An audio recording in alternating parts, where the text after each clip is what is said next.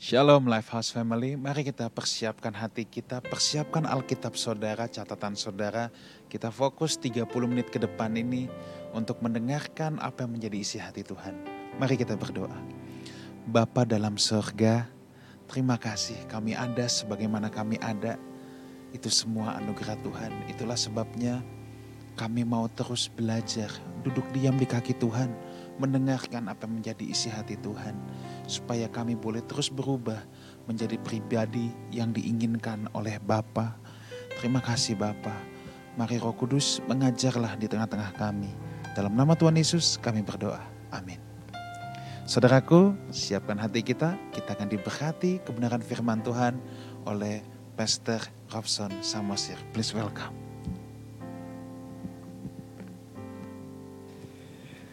Shalom saudara yang terkasih dalam nama Tuhan Yesus Kristus.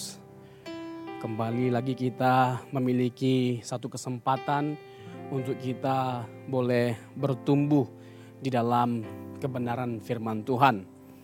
Nah hari ini saya hendak menyampaikan satu kebenaran yang sangat substansial dalam kehidupan kekristenan kita. Topiknya ditolak oleh Tuhan. Hal yang paling mengerikan adalah ketika kita ditolak oleh Tuhan. Bukan pada waktu kita bangkrut atau mengalami kegagalan dalam hidup ini, dalam hal apa pun, dalam bisnis, dalam pendidikan, dalam pekerjaan, dalam keluarga. Seseorang ketika gagal dalam keluarga bukan berarti dia gagal dalam hidup ini atau gagal untuk selamat tetapi peluang untuk kita diselamatkan oleh Tuhan terbuka lebar bagi setiap kita meskipun kita mengalami suatu kegagalan dalam bidang tertentu asalkan kita mau berbenah diri. Asalkan kita mau mengoreksi diri. Asalkan kita mau bertobat. Jadi hal yang paling mengerikan dalam hidup ini bukan ketika kita miskin. Karena miskin bukanlah aib, bukanlah sebuah kehinaan atau dosa. Tetapi ketika kita hidup tak berkenan di hadapan Tuhan. Untuk itu, takutlah bukan karena kita akan menjadi miskin atau hidup dalam tekanan atau karena kita gagal dalam bisnis, dalam proyek atau pekerjaan kita Takutlah kalau kita tidak hidup berkenan. Karena itu akan menggiring kita sehingga kita bisa ditolak oleh Tuhan. Jadi sesuatu yang perlu atau penting untuk diketahui oleh kita adalah bahwa sekalipun kita telah menjadi Kristen, itu tidak membuat kita otomatis secara langsung akan selamat. Kekristenan tidak menyelamatkan karena kita rajin ibadah, rajin baca Alkitab, rajin PA, Bible study, aktif pelayanan, kita aktivis di sebuah gereja, semuanya itu tidak membuat kita otomatis pasti berkenan di hadapan Tuhan. Karena ukuran keberkenanan kita di hadapan Tuhan bukan karena kita rajin pelayanan, rajin ibadah, rajin ke gereja, rajin baca Alkitab, tetapi karena kita semakin berubah, semakin bertobat, dan semakin serupa dengan Tuhan kita, Yesus Kristus. Untuk itu, saudara yang terkasih, harus benar-benar kita mengerti kebenaran ini. Bahwa bukan karena kita Kristen, kita otomatis selamat. Tetapi apakah kita dengan serius memperhatikan kehidupan kita. Kita bisa lihat bagaimana Paulus mengingatkan jemaat Galit Galatia untuk tidak menyalahgunakan kemerdekaan mereka untuk hidup di dalam dosa atau kejahatan. Galatia 5 ayat 13. Dan Petrus juga mengingatkan hal yang sama kepada orang percaya agar hidup sebagai orang merdeka. Tetapi tidak seperti orang-orang yang menyalahgunakan kemerdekaannya. Dan juga kitab Ibrani jelas menegaskan mengenai bahaya hanyutnya kerohanian.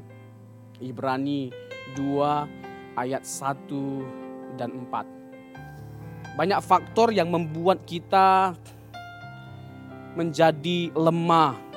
Banyak faktor yang membuat kita menjadi lesu secara rohani, hanyut secara rohani. Entah itu karena kita ada konflik dalam sebuah gereja, atau kita mendapati pemimpin rohani kita tidak memberikan teladan bagi setiap kita, itu bisa membuat kerohanian, kerohanian kita menjadi tawar. Atau masih banyak lagi hal-hal yang lainnya seperti dosa yang tidak cepat kita tanggulangi. Sehingga semakin dalam ketika kita semakin mengkompromikan, semakin dalam kita dibawa oleh kuasa dosa. Lalu bahaya ketidakpercayaan Ibrani 3 ayat 1 dan 19. Jelas penulis kitab Ibrani memberikan sebuah peringatan supaya kita tidak seperti nenek moyang kita yaitu bangsa Israel. Ini sebenarnya sebuah kasus yang memilukan. Kok bisa mereka masih tidak percaya? Padahal Tuhan sudah begitu baik. Tuhan menyatakan kasih dan kuasanya di tempat di mana tidak ada kehidupan. Mereka hidup karena yang menyertai mereka adalah Tuhan yang hidup. Seharusnya tidak ada alasan bagi mereka untuk tidak percaya kepada Tuhan. Tetapi kekerasan hati mereka membuat mereka jadi menolak Tuhan. Dan karena ketidakpercayaan mereka, pemberontakan mereka, kekerasan hati mereka, Tuhan pun pada akhirnya menolak mereka. Seperti yang dialami oleh bangsa Israel, kita pun bisa mengalaminya. Kalau kita berkelakuan atau hidup seperti bangsa Israel, tidak tahu berterima kasih dan tidak memperlakukan Tuhan dengan benar, maka kita juga bisa bernasib seperti bangsa Israel, ditolak oleh Tuhan. Dan jangan beranggapan bahwa perjanjian lama itu konsepnya berbeda dengan perjanjian baru. Di bawah kasih karunia kita nggak mungkin bisa ditolak oleh Tuhan. Siapa bilang? Jelas dalam Roma pasal yang ke-11 ditegaskan di sana bahwa bangsa Israel yang adalah zaitun asli saja bisa ditolak oleh Tuhan karena ketidakpercayaan mereka, karena ketidaksetiaan mereka, pemberontakan mereka, apalagi kita yang digambarkan seperti zaitun liar yang dicangkokkan karena iman kepada Kristus. Mereka saja karena ketidaksetiaannya bisa dipotong, apalagi kita. Berpikirlah bahwa kita bisa ditolak. Agar kita bisa dengan serius memperhatikan hidup kita dan kita tidak sembrono dalam kita menjalani kehidupan kita. Justru itu jauh lebih tepat dan sesuai dengan kebenaran firman Tuhan. Bukankah Matius pasal yang ke-7 ayat 21 sampai 23 menegaskan bahwa ketika seseorang tidak hidup sesuai dengan kehendak Allah. Sekalipun dia berseru Tuhan, Tuhan. Tuhan bisa menolak dengan berkata, aku tidak mengenal engkau. Kata mengenal dalam bahasa asli ginosko. Yang artinya menikmati, knowing by experiencing. Tuhan maha tahu, tidak ada yang dia tidak tahu. Jadi yang dimaksud dengan aku tidak mengenal engkau artinya aku tidak menikmati engkau. Jadi jadi Kristen pun kita kalau hidup kita tidak dinikmati oleh Tuhan, Tuhan bisa tolak kita. Kurang apa Tuhan uh, terhadap kita, baiknya, kasihnya, kuasanya. Dipercayakan loh kita. karunia-karunia bisa menyembuhkan orang sakit, bisa bernubuat, bisa mengusir setan. Tapi ternyata kita tidak menggunakan semuanya itu untuk kemuliaan Tuhan. Semuanya itu tidak membuat kita jadi lebih sungguh-sungguh kepada Tuhan, lebih mengasihi Tuhan, lebih mencintai Tuhan. Seharusnya dipakainya kita, seharusnya kalau kita dipakai Tuhan, itu membuat kita jadi lebih semakin mencintai Tuhan, mengasihi Tuhan. Ternyata tidak. Dan saya bukan bermaksud untuk menghakimi, Bahkan hamba-hamba Tuhan yang tersohor sekalipun dipakai Tuhan dengan karunia kesembuhan yang luar biasa. Bisa tiba-tiba kita dengar terjerat dalam dosa homoseksual atau perjinahan. Bahkan pada titik bercerai. Mengerikan. Itulah yang dimaksud kebenaran firman Tuhan dalam Matius pasal 7 ayat 21 sampai 23 dan tidak heran pada akhirnya Tuhan menolak Tuhan menolak orang-orang seperti ini. Bukannya hebat kalau kita bisa menyembuhkan orang sakit, hebat. Bukankah hebat bernubuat, hebat. Mengusir setan, hebat. Dalam nama Yesus, setan keluar. Kalau kau tidak keluar, aku yang keluar. Menyembuhkan orang sakit, hebat. Ya kan?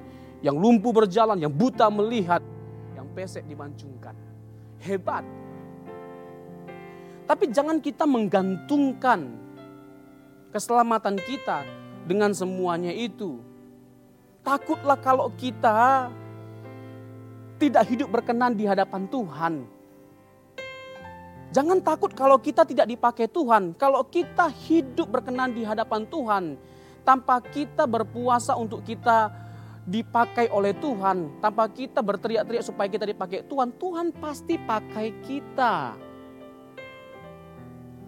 Tapi masalahnya apakah Tuhan mendapati hidup kita berkenan di hadapannya? Itu yang harus kita perkarakan jauh melebihi dari apa pun.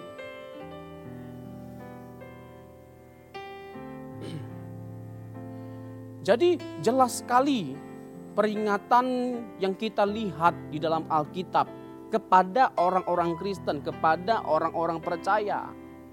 Umumnya kitab-kitab itu diberikan kepada setiap orang yang sudah menjadi Kristen, sudah mengenal Tuhan. Jadi peringatan itu bukan kepada orang yang di luar Tuhan, justru kepada kita yang sudah ada di dalam Tuhan. Kalau peringatan itu diberikan kepada kita yang sudah ada di dalam Tuhan, bukankah itu menunjukkan bahwa masih ada bahaya nyata yang bisa kita alami kalau kita tidak sungguh-sungguh hidup di dalam Tuhan. Mari kita belajar kebenaran firman Tuhan ini. Dan bukan hanya itu, dengan serius kita memperkarakannya dalam kehidupan kita. Menghidupinya dalam kehidupan kita sehingga benar Tuhan mendapati kita sebagai umat pilihannya. Paulus telah menjelaskan bahwa dosa dapat memiliki pengaruh yang luar biasa dalam kehidupan orang percaya. Sekarang kita perlu bertanya, dapatkah dosa mengakhiri hubungan orang percaya dengan Kristus dan membuatnya benar-benar terputus dari Kristus sama sekali dan kehilangan harapan untuk memperoleh hidup yang kekal? Jelas, seperti yang saya tegaskan tadi, kalau para penulis perjanjian baru atau para rasul memberikan peringatan kepada orang-orang Kristen, kepada orang-orang percaya, hal itu membuktikan, menunjukkan bahwa kita bisa terhilang, hubungan kita bisa terputus dari Kristus. Mungkin kita bertanya, Bukankah ada ayat yang mengatakan bahwa siapakah yang dapat memisahkan kita dari kasih Kristus? Petelanjangan, penganiayaan, dan lain sebagainya macamnya, kelaparan. Tidak ada. Betul, tapi kita harus melihat konteksnya. Paulus mengungkapkan kalimat itu kepada jemaat Roma yang sudah terbukti imannya, kasihnya, cintanya kepada Tuhan. Mereka rela mempertaruhkan nyawanya demi mempertahankan imannya. Itu jemaat Roma. Itu konteksnya. Jadi jangan kita keluar dari konteks. Nah kita belum terbukti apa-apa. Kalau memang kita memiliki karakteristik seperti yang dimiliki oleh jemaat Roma, boleh kita klaim ayat itu dan kita kenakan kepada kita. Tidak ada yang bisa memisahkan kita dari, kasih Kristus. Tidak ada. Tapi pertanyaannya, iman kita kuat enggak? Kasih kita sudah terbukti enggak kepada Tuhan? Baru terbukti kita sungguh-sungguh mengasihi Tuhan ketika kita ada dalam tekanan, ketika kita ada dalam penderitaan. Apakah kita akan tetap bertahan atau tidaknya? Seperti jemaat Roma. Apalagi kita dengan mudahnya mengatakan bahwa kita lebih dari pemenang. Padahal konteksnya kan kalimat itu Paulus katakan kepada jemaat Roma. Iya lucu lah. Jemaat Roma yang pada waktu itu menjadi lebih dari pemenang. Karena mereka sudah bertanding, mereka bertarung untuk mempertahankan imannya. Pergumulan iman mereka itu luar biasa Nah kita belum bertarung, belum bergumul. Lalu kita menganggap diri kita sama seperti jemaat Roma, lebih dari pemenang. Paulus saja tidak sembarangan menggunakan kalimat itu. Hanya kepada jemaat Roma. Itu saja sudah menimbulkan pertanyaan bagi setiap kita. Why? Hanya kepada jemaat Roma. Kenapa Korintus tidak? Galatia tidak? Tesalonika tidak? Karena jelas bahwa jemaat Roma sudah terbukti iman dan cintanya, kesetiaannya, ketaatannya, kepada Tuhan. Kan lucu Bapak Ibu kalau ada nih ya contoh ini analoginya. Ada seseorang ya kan e, pergi ke toko piala langsung bawa piala itu dia keliling-keliling kampung. Lalu teriak-teriak menang aku menang aku menang aku menang aku menang. Padahal dia nggak bertanding. Dia belum bertanding. Orang bilang orang Papua bilang kakak kok so gila kak? Loh kok bisa bilang dirinya menang, mendapatkan piala, padahal belum bertanding. Bertanding kita dalam hidup ini. Berjuang, berkelahi dengan kontrak dosa yang ada pada diri kita. Mengalahkan keinginan daging dalam diri kita. Keinginan dosa tabiat-tabiat kebiasaan buruk kita. Kita bertanding. Dan Tuhan pasti menolong setiap kita lewat anugerahnya. Ketika Tuhan menebus kita dari dosa, yang Tuhan ambil itu bukan kemampuan atau keinginan untuk berbuat dosa, tapi dominasi kuasa dosa, pemerintahan dosa atas diri kita. Kasih karunia-Nya memampukan kita untuk bisa tidak lagi terikat oleh kuasa dosa. Jadi kita yang mengontrol diri kita, kita yang berjuang untuk menanggalkan keinginan dosa yang ada pada diri kita, bukan Tuhan. Kita, tapi Tuhan menolong setiap kita melalui firman-Nya, melalui Roh Kudus-Nya. Dengan usaha sendiri tentu kita tidak bisa. Itulah makanya diberikan firman untuk menjadi pedoman bagi setiap kita. Roh Kudus diberikan untuk menuntun kita kepada seluruh kebenaran. Tidak mudah jadi Kristen sulit jadi Kristen. Saya bukan bukan bukan bermaksud untuk sok TU, sok tahu, tapi saya sudah berulang kali baca Alkitab, membaca Injil. Dan saya mau menyimpulkan kalau ada orang yang menyimpulkan bahwa jadi Kristen itu mudah, itu mudah. Jelas itu bertentangan bertolak belakang dengan Injil. Dari sejak mula-mula kekristenan itu muncul dari jemaat mula-mula.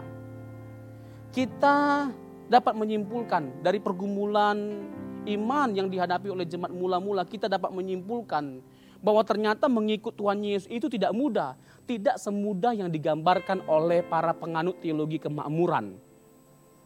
Oh, oh kita anak raja di atas segala raja. Kalau kita jadi Kristen kita pasti jadi orang kaya, jadi orang sukses, makmur hidup kita. Gak ada sakit. Terus kalau ada orang Kristen yang sakit dibilang kena kutu atau kurang beriman, kurang mengasihi Tuhan. Akhirnya jadi rusak kekristenan. Ini jelas merusak bangunan berpikir kekristenan yang notabene ini bukan kebenaran, ini bukan Injil. Wong Tuhan suruh sangkal diri pikul salib. Pikul salib, bukan pikul rantang. Itu teologi kemakmuran, pikul salib. Itu berbicara tentang penderitaan. Itu panggilan kekristenan. Dan kita menjadi orang-orang yang merdeka. Dan kemerdekaan dalam konteks kekristenan yaitu ketika kita memilih untuk menyangkal diri dan memikul salib. Sekalipun kita menjadi Kristen, menjadi pendeta, tetapi kita tidak memilih untuk menyangkal diri dan memikul salib, kita belum memenuhi panggilan sejati dari kekristenan. Karena sejatinya kita dipanggil untuk menyangkal diri. Hidupku bukan aku lagi, tapi Kristus dalamku. Bukan kita lagi, tapi Kristus. Ketika kita sudah memilih untuk menjadi Kristen, karakter Kristus yang harus tercermin, terlihat dari diri kita. Seperti kalau dalam dunia pendidikan ada kurikulum apa-apa saja yang akan dicapai. Begitu juga dalam konteks kita sebagai orang Kristen atau dalam kekristenan, ada kurikulumnya. Kita lihat melalui Injil, ya seperti apa ya kekristenan itu? Bagaimana kekristenan itu digambar? Ini loh Tuhan Yesus. Tuhan Yesus inilah kurikulumnya. Dialah yang menjadi model kita. Jadi Kristen harus menjadi seperti dia. Dan hidup menjadi seperti Yesus itu tidak mudah. Tidak mudah Bapak Ibu. Berat berat sekali. Jangankan seperti Yesus, menjadi baik aja sulit, menjadi baik aja susah, apalagi menjadi seperti Yesus. Tetapi kalau setiap hari kita belajar untuk berjuang, sesuatu yang seharusnya sulit, jadi tidak sulit kalau kita membiasakan diri, terbiasa.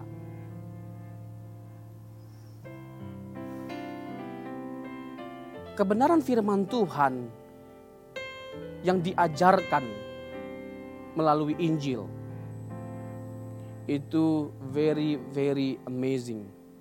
Sangat-sangat menakjubkan. Luar biasa. Tidak ada yang mengalahkan kualitas kehidupan orang Kristen. Kalau kita benar-benar didrive oleh Injil. Tidak ada yang seagung kekresenan ajarannya. Tidak ada. Tampar pipi kiri, kasih pipi kanan. Dibalas ya kejahatan balas dengan kebaikan, bukan dengan kejahatan. Dilempar pakai batu, lempar dengan bunga. Dilempar pakai batu, lempar lagi dengan bunga. Dilempar lagi pakai batu, lempar dengan bunga sama pot-potnya sekalian. Berdoalah bagi orang yang menganiaya kamu. Mari kita jujur. Orang yang berulang-ulang kali menyakiti kita. Nggak usah berulang-ulang kali. Sekali saja menyakiti kita. Sudah langsung kita sakit hati, penuh kebencian, kepahitan. Sukar sekali rasanya melepaskan pengampunan. Maaf, saya bukan bermaksud untuk menghakimi. Tapi benar, itu bukan Kristen. Jelas balas kejahatan dengan kebaikan. Kita harus mengampuni orang yang menganiaya kita, bahkan mendoakan mereka. Ya kan? Aduh, jangankan mendoakan mereka, ya kan mengingat wajahnya saja najis teralala. Tapi mau bagaimana lagi? Itulah pilihan yang harus kita pilih ketika kita memilih untuk menjadi Kristen. Tidak mau memilihnya sama dengan kita tidak mau memilih Kristus. Sama seperti kita menolak Injil. Karena itulah ajaran Injil. Jadi apakah kita bisa ditolak oleh Tuhan? Jelas. Yohanes pasal 15. Pokok anggur yang benar. Kalau kita tidak menempel pada pokok anggur. Dan kalau kita tidak menghasilkan buah, kita akan dipotong ada orang-orang atau sekelompok orang yang berpikir bahwa keselamatan tidak bisa hilang, mengartikan bahwa dipotong di situ itu, dipotong itu bukan dalam pengertian kehilangan keselamatan atau ditolak oleh Tuhan. Bukan dalam pengertian masuk neraka, tapi lepas dari persekutuan. Itu nggak tepat. Karena apa? Selanjutnya dikatakan selain dipotong, itu dicampakkan dan dibakar ke dalam api. Itu bicara tentang apa? Penghukuman kekal. Nah, kalau kita tidak menghasilkan buah sebagai orang Kristen, buah pertobatan, buah roh, ya jangan berpikir kita akan diselamatkan oleh Tuhan. Hidup di dalam dosa, terus kita mau masuk surga, ya enggak bisa. Enggak bisa. Banyak yang dipanggil sedikit yang terpilih. Itu jelas kata Alkitab. Banyak orang pergi ke gereja tapi tidak banyak masuk surga. Itu jelas. Karena nggak semua orang yang masuk ke dalam gereja itu sungguh-sungguh mau mengikuti Tuhan, menghidupi kebenaran firman Tuhan. Tidak banyak. Sekali lagi berpikirlah bahwa kita bisa ditolak oleh Tuhan sehingga kita tidak sembrono dalam kita menjalani kehidupan kita tetapi kita benar-benar serius memperkarakan hidup kita. Sehingga suatu hari nanti ketika Tuhan panggil kita, kita didapati berkenan di hadapan Tuhan dan kita dipermuliakan oleh Tuhan.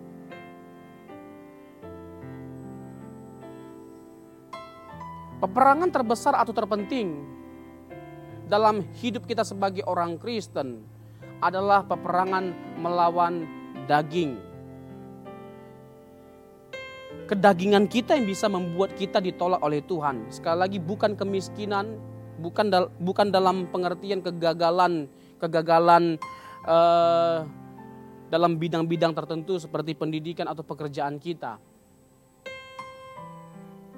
Tetapi ketika kita gagal menjalani kehidupan yang berkenan di hadapan Tuhan, di situlah kita bisa ditolak oleh Tuhan.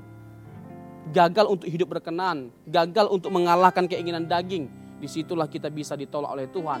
Sehingga yang menjadi peperangan terbesar atau terpenting dalam hidup kekristenan kita adalah peperangan melawan daging. Di sini hawa nafsu kita bermain. Dunia dengan segala keindahannya itu bermain. 1 Yohanes 2 ayat 16, 17. Setan pun bermain dengan menawarkan kenikmatan daging atau dunia Hati-hati dengan jerat iblis. Jangan bawa diri kita ke dalam pencobaan. Tampilkan diri kita sesuai dengan status kita. Kalau benar kita anak Allah, hiduplah sebagai gaya anak Allah.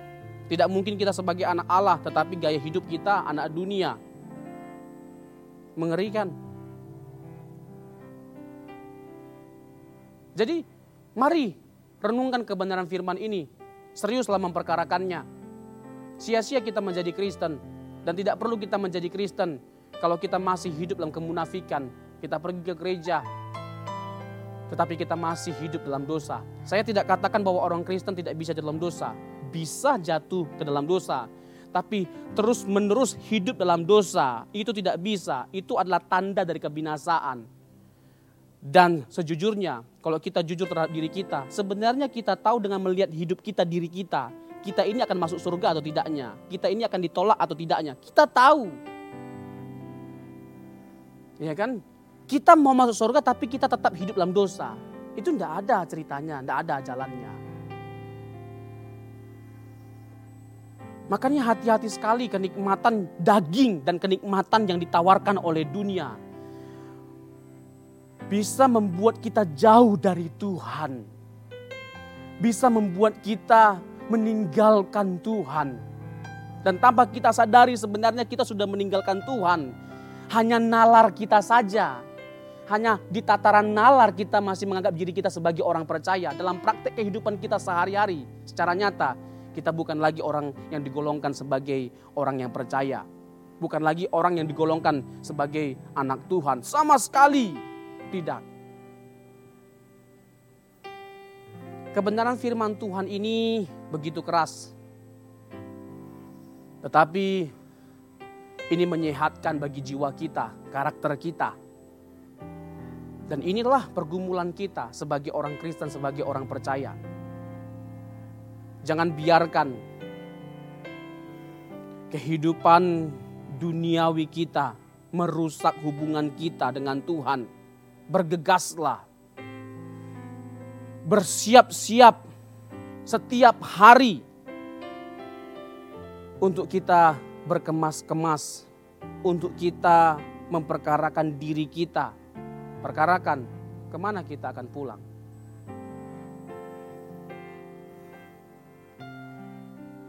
Jangan kita menghibur diri kita dengan berkata, kan kamu masih ke gereja, kan kamu masih rajin PA, Bible study, kan kamu aktif kok pelayanan. Bagus, bagus, itu bagus. Tapi kalau kita tetap tinggal dalam dosa, sama sekali sama sekali tidak ada keseriusan untuk meninggalkan dosa kita. Rajin pun kita ibadah, rajin pelayanan, aktif pelayanan, pendeta bahkan kita sekalian, Nggak ada artinya. Semuanya itu nggak ada artinya Bapak Ibu Saudara yang terkasih. Berpikirlah sekali lagi, saya tegaskan ini dan ini penting sekali. Berpikirlah bahwa kita bisa ditolak oleh Tuhan. Sehingga kita terus was-was terhadap diri kita, kita berjaga-jaga. Dan kita serius meresponi panggilan Tuhan dengan kita terus hidup dalam kebenaran belajar kebenaran firman Tuhan setiap hari seperti yang kita lakukan ini dan belajar untuk berkomitmen menghidupinya. Tidak mudah, tapi selalu kasih karunia Tuhan menyertai kita, menyanggupkan kita, memampukan kita. Tidak mau ditolak oleh Tuhan, semua orang berkeinginan seperti itu. Tetapi sewajarnya, kalau kita memang tidak mau ditolak oleh Tuhan, belajarlah untuk menghindari apa yang tidak berkenan di hadapannya. Karena itulah jalannya untuk kita bisa diterima oleh Tuhan. Tuhan Yesus memberkati. Mari kita bersatu dalam doa. Bapa, sungguh tidak mudah pergumulan kami menjadi Kristen. Sungguh tidak mudah pergumulan kami untuk hidup berkenan di hadapan Tuhan. Tapi kami mau berkomitmen, kami mau serius memperkarakan hidup yang berkenan di hadapan Tuhan. Dan kami berserah sepenuhnya kepada Tuhan dan memohon kiranya Tuhan memberikan kekuatan bagi kami dan rohmu menuntun setiap kami untuk kami dimampukan menjalani kehidupan seperti yang kau inginkan. Berkati gereja Left House dari pemimpin dan semua pelayan yang ada dan jemaat agar kami semua dapat belajar kebenaran firman-Mu, terus haus lapar akan firman-Mu dan hidup berkenan di hadapan-Mu sehingga suatu hari kami akan dipermuliakan bersama dengan Kristus. Demi nama Yesus Kristus, kami bersyukur dan kami berdoa. Haleluya. Amin. Tuhan Yesus memberkati.